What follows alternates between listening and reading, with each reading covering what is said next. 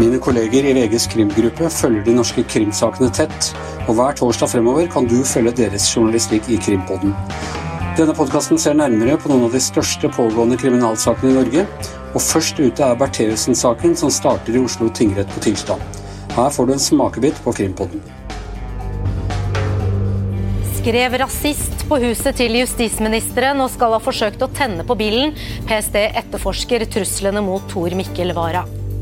Det var jo sånn at mange stilte seg spørsmål ved om det var en sammenheng mellom eh, dette teaterstykket og at det da ble skrevet eh, rasist på eh, husveggen hos Vara. Så det var liksom opptakten til denne saken som skulle bli så mye, mye mer dramatisk.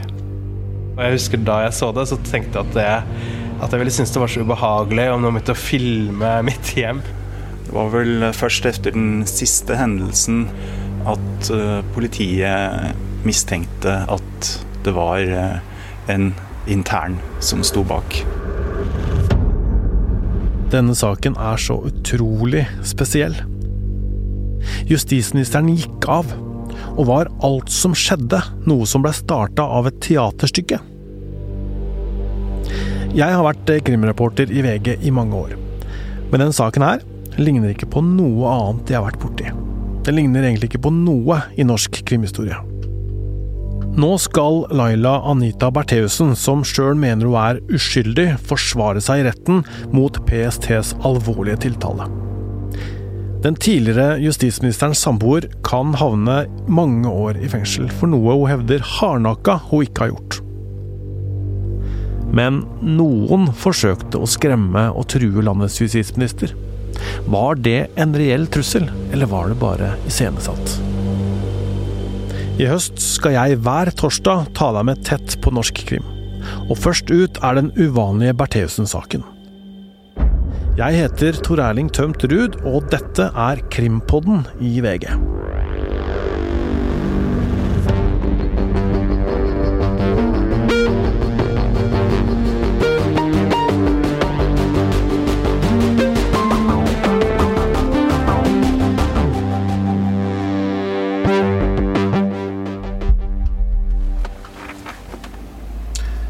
Sto jeg ulovlig parkert utafor lagmannsretten her, så nå kommer Øystein med kaffe, og vi skal uh, dra en tur.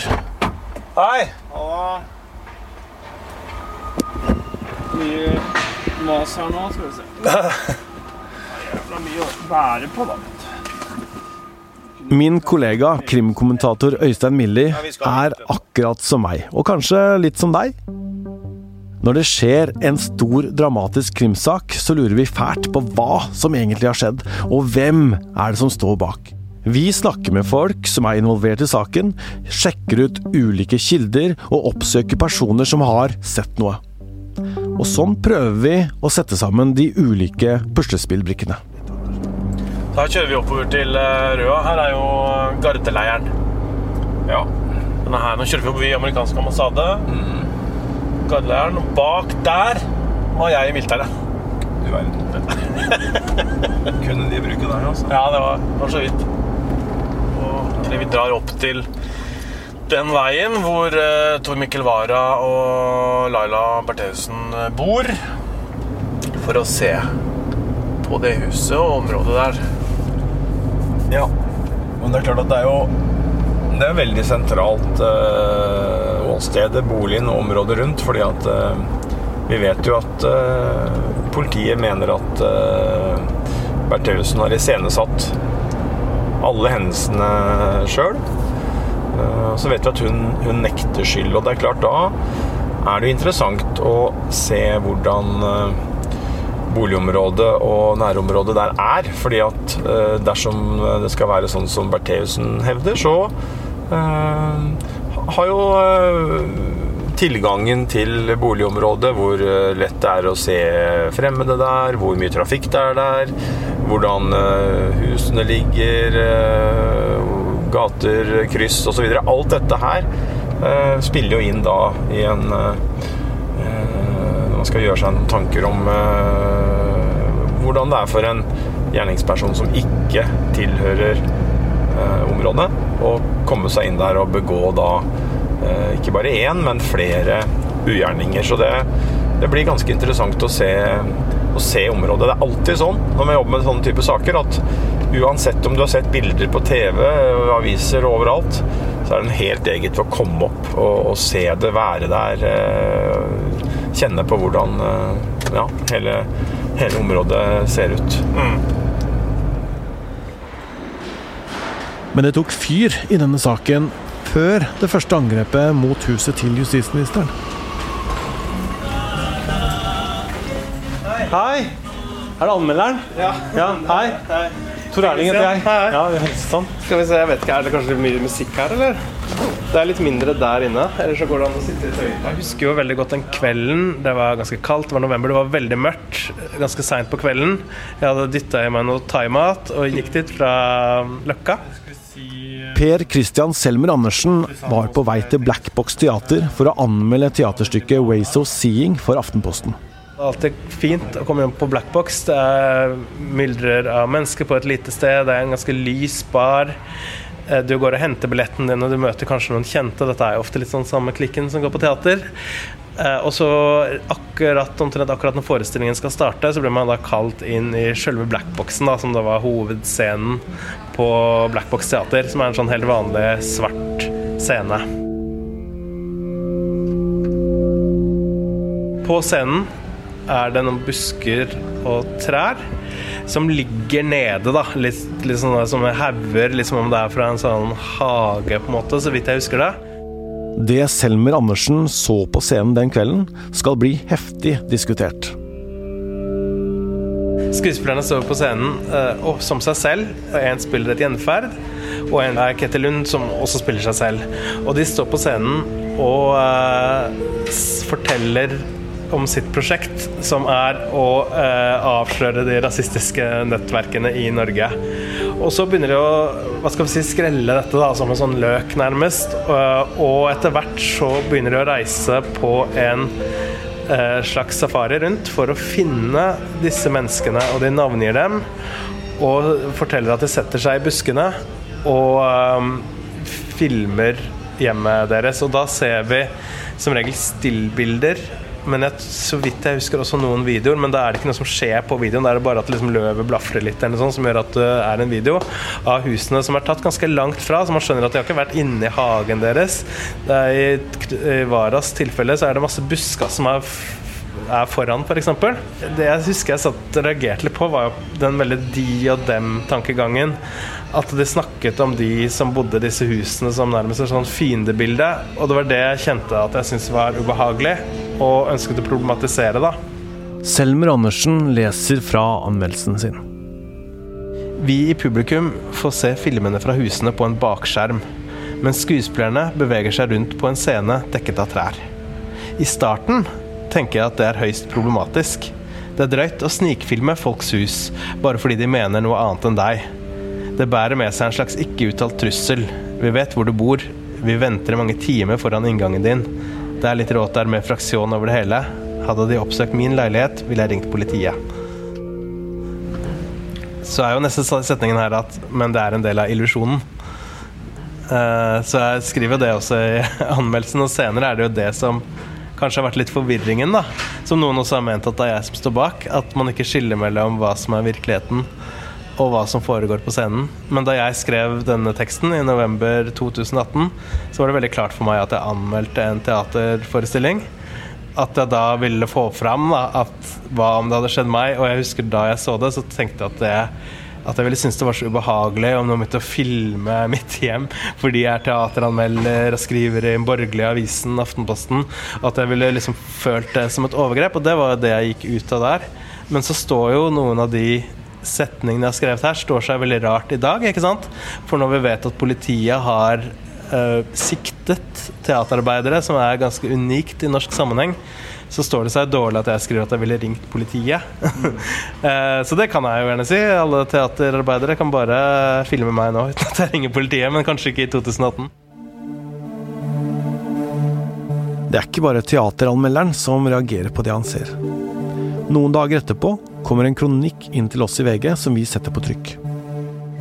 23.11 tikker inn en beskjed til meg om at det går en forestilling på Blackbox hvor de viser vårt hus og vever vårt liv inn i en forrykt historie.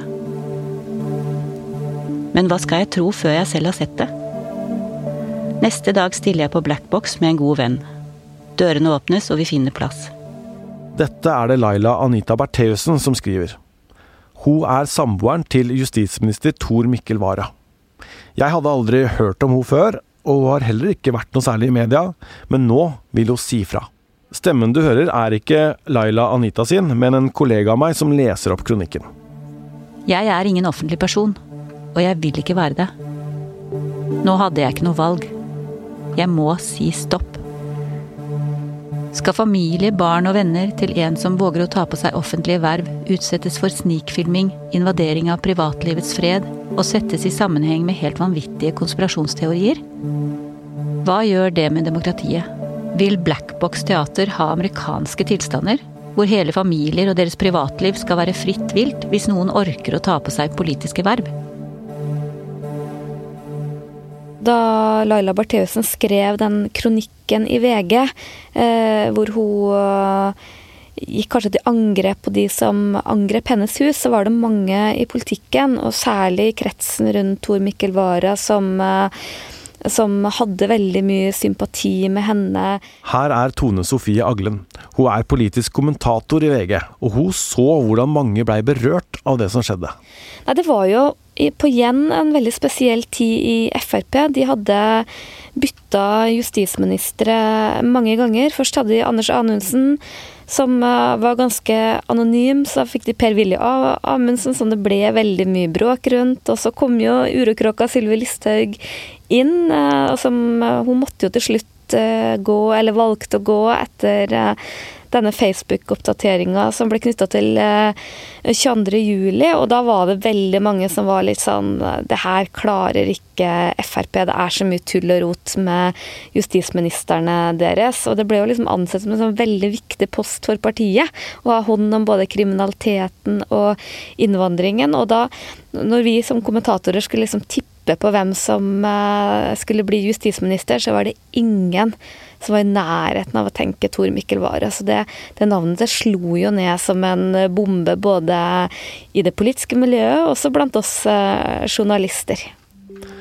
Tor Mikkel Wara blei kalt en wonderboy. Han var en politiker som nesten hadde blitt en legende i norsk politikk, allerede før han blei utnevnt til justisminister i Erna Solbergs regjering. Han kom jo inn eh, fra Finnmark som en sånn stor eh, stjerne i det politiske. Han skilte seg veldig ut. Han var veldig kvikk i replikken, eh, veldig humoristisk, ekstremt kunnskapsrik og debattsterk, men var også litt sånn typisk finnmarking. Og når han kom, så var det sånn wow, han er den nye Frp-lederen. Men på starten av 90-tallet forlot Vara politikken, og jobba i PR-bransjen i mange år. Og da han først gjorde comeback, 25 år etter at han forlot manesjen, blei det egentlig tatt veldig godt imot. Også av folk som var uenig med ham. Det som kanskje er mest spesielt med han, er at han er noe så sjelden som en Frp-er som er populær utenfor Frp. Veldig godt likt både i Høyre og i Venstre og i KrF. Og jeg tror også folk på venstresida har veldig sansen for den, for de opplever han som en, en Frp-er som er veldig ideologisk, som ikke er sånn rufsete i kanten måten, eller sånn som man veldig ofte eh, forbinder eller påstår at Frp-ere er. Rett og slett en sånn ekte liberalist. Og jeg tror det Stortinget også opplevde med å få han som justisminister, var at han, han behandla Stortinget med respekt, og, og var en justisminister som de omsider kunne ha tillit til. Men det var ikke mange månedene Tor Mikkel Wara fikk i rollen som justisminister. Julelysa var akkurat tent utafor Stortinget da vi fikk inn en melding om at det hadde skjedd noe veldig merkelig utafor Varas bolig. Skrev rasist på huset til justisministeren og skal ha forsøkt å tenne på bilen. PST etterforsker truslene mot Tor Mikkel Wara. Det var jo en dramatisk situasjon når eh, de første opplysningene om at eh, hjemmet til daværende justisminister eh, Tor Mikkel Wara var utsatt for eh, ja, om du kaller det skadeverk eller hærverk.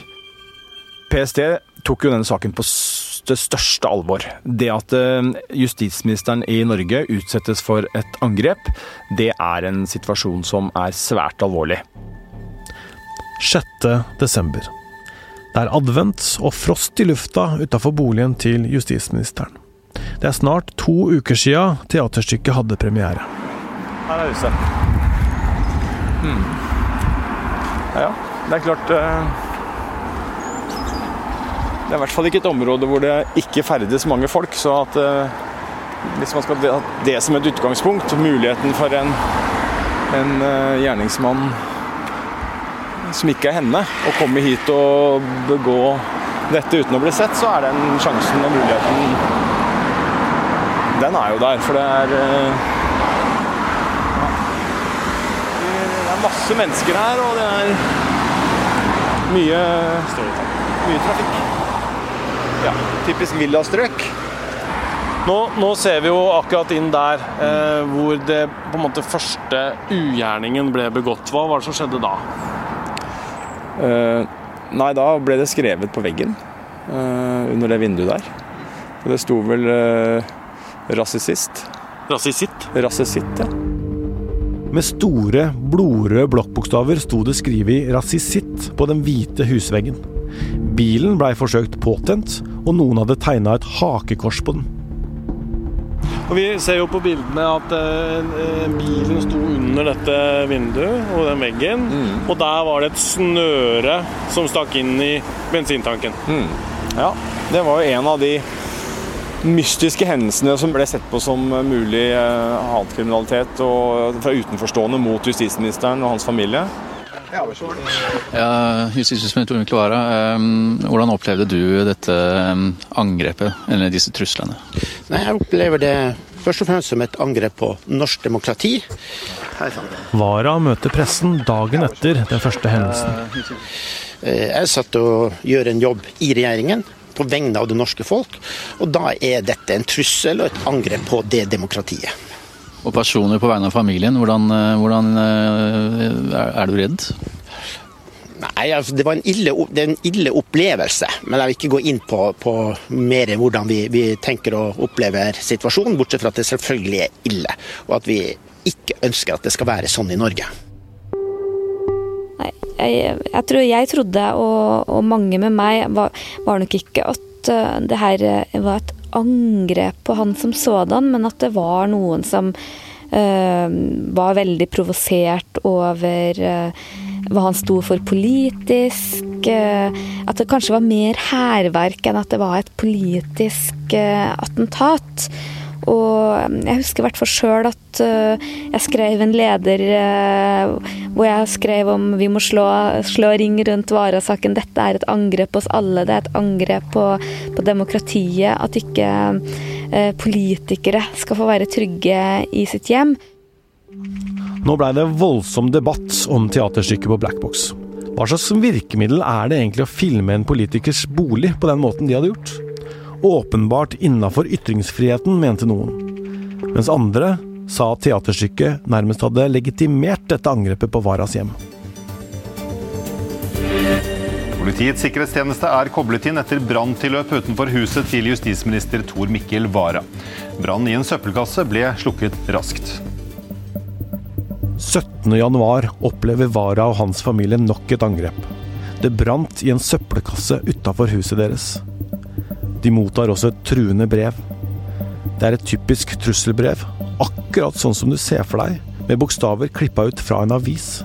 Og der står det Trekk anmeldelse. Neste gang får vi det til.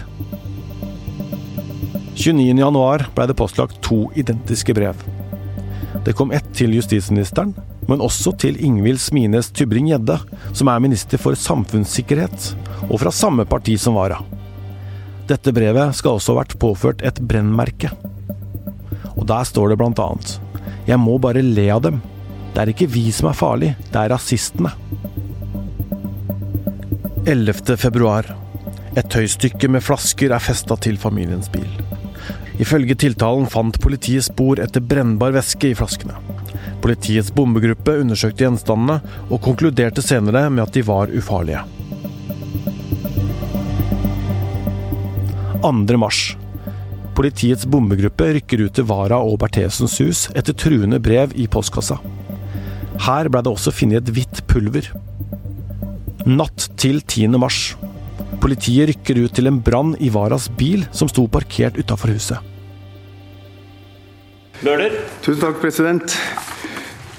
I Stortinget får Tor Mikkel Wara brei politisk støtte. Her fra Arbeiderpartiets Jan Bøhler. President, Jeg vil først si til statsråden at jeg eh, er at jeg tror vi alle reagerer veldig sterkt på det som statsrådens hus og hjem har vært utsatt for, og familien hans. Og, og det er både eh, veldig sjokkerende å, å, lese om og høre om. Eh, jeg må også føye til president, at jeg syns statsråden har eh, taklet de hendelsene og oppslagene på en, eh, en betryggende måte, en rolig måte, som det står, står respekt av. Sett ut fra de opplevelsene som må være sterke. Sjøl møter Vara pressen utafor stortingssalen. Hvordan opplever du og din familie det som har skjedd nå? Nei, Det er jo selvfølgelig uh, uhyggelig. Eh, og jeg opplever nok at dette er et eh, angrep på demokratiet. VG.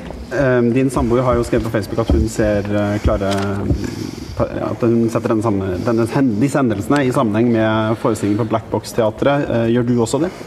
Altså, Hendelsene betyr har en, har en kjedesammenheng der. Men det betyr ikke at det er noen tilknyttet teatret som står bak. Det kan vi ikke vite. Men hendelsene har jo en, en sammenheng med at hun også har valgt å, å si at hun vil være i fred. Og det var derfor også hun ønsket å anmelde eh, dem som sto bak forestillingen, fordi hun opplevde at hun ikke fikk være i fred. Men vent litt. Det er noe som ikke helt stemmer her. For i veien som går ved siden av huset, er det ganske rolig om natta. Og ville ikke noen av naboene sett noe hvis det kom folk utafra for å gjøre hærverk? Det eneste jeg husker det jeg syns var veldig rart, var det der, eh, den tagginga hvor det sto 'rasist'. Det var liksom eh, Det var akkurat som det var litt sånn uh, skrevet for at noen skulle tro at det var noen som ikke kunne norsk, som var skrevet det. Og det var liksom Det var et eller annet der som ikke hang helt på greip. Etter hvert så begynte jo tankene og kretse i retning om det kunne være et annet bakteppe enn dette teatret. Hvis det ikke er noen som kommer utafra, da må det jo være en helt annen type gjerningsperson som står bak. Ja. Hei. Hei Bare stig på, dere. Ja. Nå har vi service av kaffe her. Oi, oi, meg. Ja, Så du har hjemmekontor, du òg? Ja da, jeg har det. Statsadvokat Fredrik Ranke, som skal føre denne saken i retten, sier det var spesielt én hendelse som gjorde at politiet snudde etterforskningen 180 grader. Det var vel først etter den siste hendelsen, denne brannen i bilen, natt til 10. Eh, mars, at eh, politiet mistenkte at det var eh, en intern som sto bak. VG veit at PST fulgte med på boligens alarmsystem, og at det var satt opp overvåkningskameraer på utsida og en sensor som registrerer aktivitet i ytterdøra. Men kameraet utafor eiendommen viser ingen aktivitet i veien foran huset i tidsrommet bilen blei forsøkt tent på. Og det andre kameraet, som skal dekke området der bilen står parkert, skal være skrudd av i de minuttene bilen blir påtent. Samtidig registrerer dørsensoren i huset bevegelser i ytterdøra. Tor Mikkel Wara er på utenlandsreise. Den eneste som er hjemme, er Laila Anita. Har i dag siktet justisministerens samboer Laila Anita Bertheussen PST innkaller til pressekonferanse. For overtredelse av straffelovens paragraf 225 bokstav b for å ha foretatt noe som vekker mistanke om at en straffbar handling er begått, uten at den er det. Men er denne saken da spesiell, eller hvordan er den spesiell? Den er jo spesiell i den forstand at det har vært mange hendelser mot huset til eh, tidligere justisminister Wara. Eh, og eh, det er jo også unektelig spesielt at det er hans samboer da, som ender opp som tiltalt. Bertheussen nekter all straffskyld, med sin samboer i ryggen. Bertheussens forsvarer, Jon Christian Elden, har ingen kommentarer til opplysningene i denne podkasten, men skriver i en e-post til VG at de vil komme tilbake til PSTs ulike scenariohypoteser i retten. Og jeg må si at uh, opplysningen om dette uh, var et sjokk på, har vært et sjokk på meg. Og vært et sjokk for jeg tror hele regjeringen. Det er vel en skandale som overgår nesten alt vi har opplevd eh, de siste årene. Men det jeg kanskje husker best, var at på særlig den politiske høyresida så var folk var så lei seg. Eiendommen ble stadig bedre sikret, og det sammenholdt med enkelte andre opplysninger som vi vil komme tilbake til under hovedforhandlingen, gjorde at politiet mente det var skjellig grunn til å mistenke Bertheussen. Og at man da fikk rettens medhold i at det var grunnlag for å gjennomføre en ransakelse i boligen. Nå blir det rettssak. Hva var det PST fant i den boligen? Hvilke bevis er det politiet sitter på som gjør at de er så sikre på at det var justisministerens egen samboer, hans aller nærmeste, som sto bak de skremmende angrepene? Og kan Laila Anita være skyldig i dette? Hun som gikk ut og sa hun ikke ville ha noe oppmerksomhet i offentligheten. Hvis det er sånn at Laila Anita Bertheussen er skyldig, så vil det jo være et spørsmål hvorfor gjorde hun dette? Hver torsdag får du en fersk episode av Krimpodden. Har du spørsmål til Øystein Milli, så send en mail til krimpodden at vg.no, eller besøk vår Facebook-side.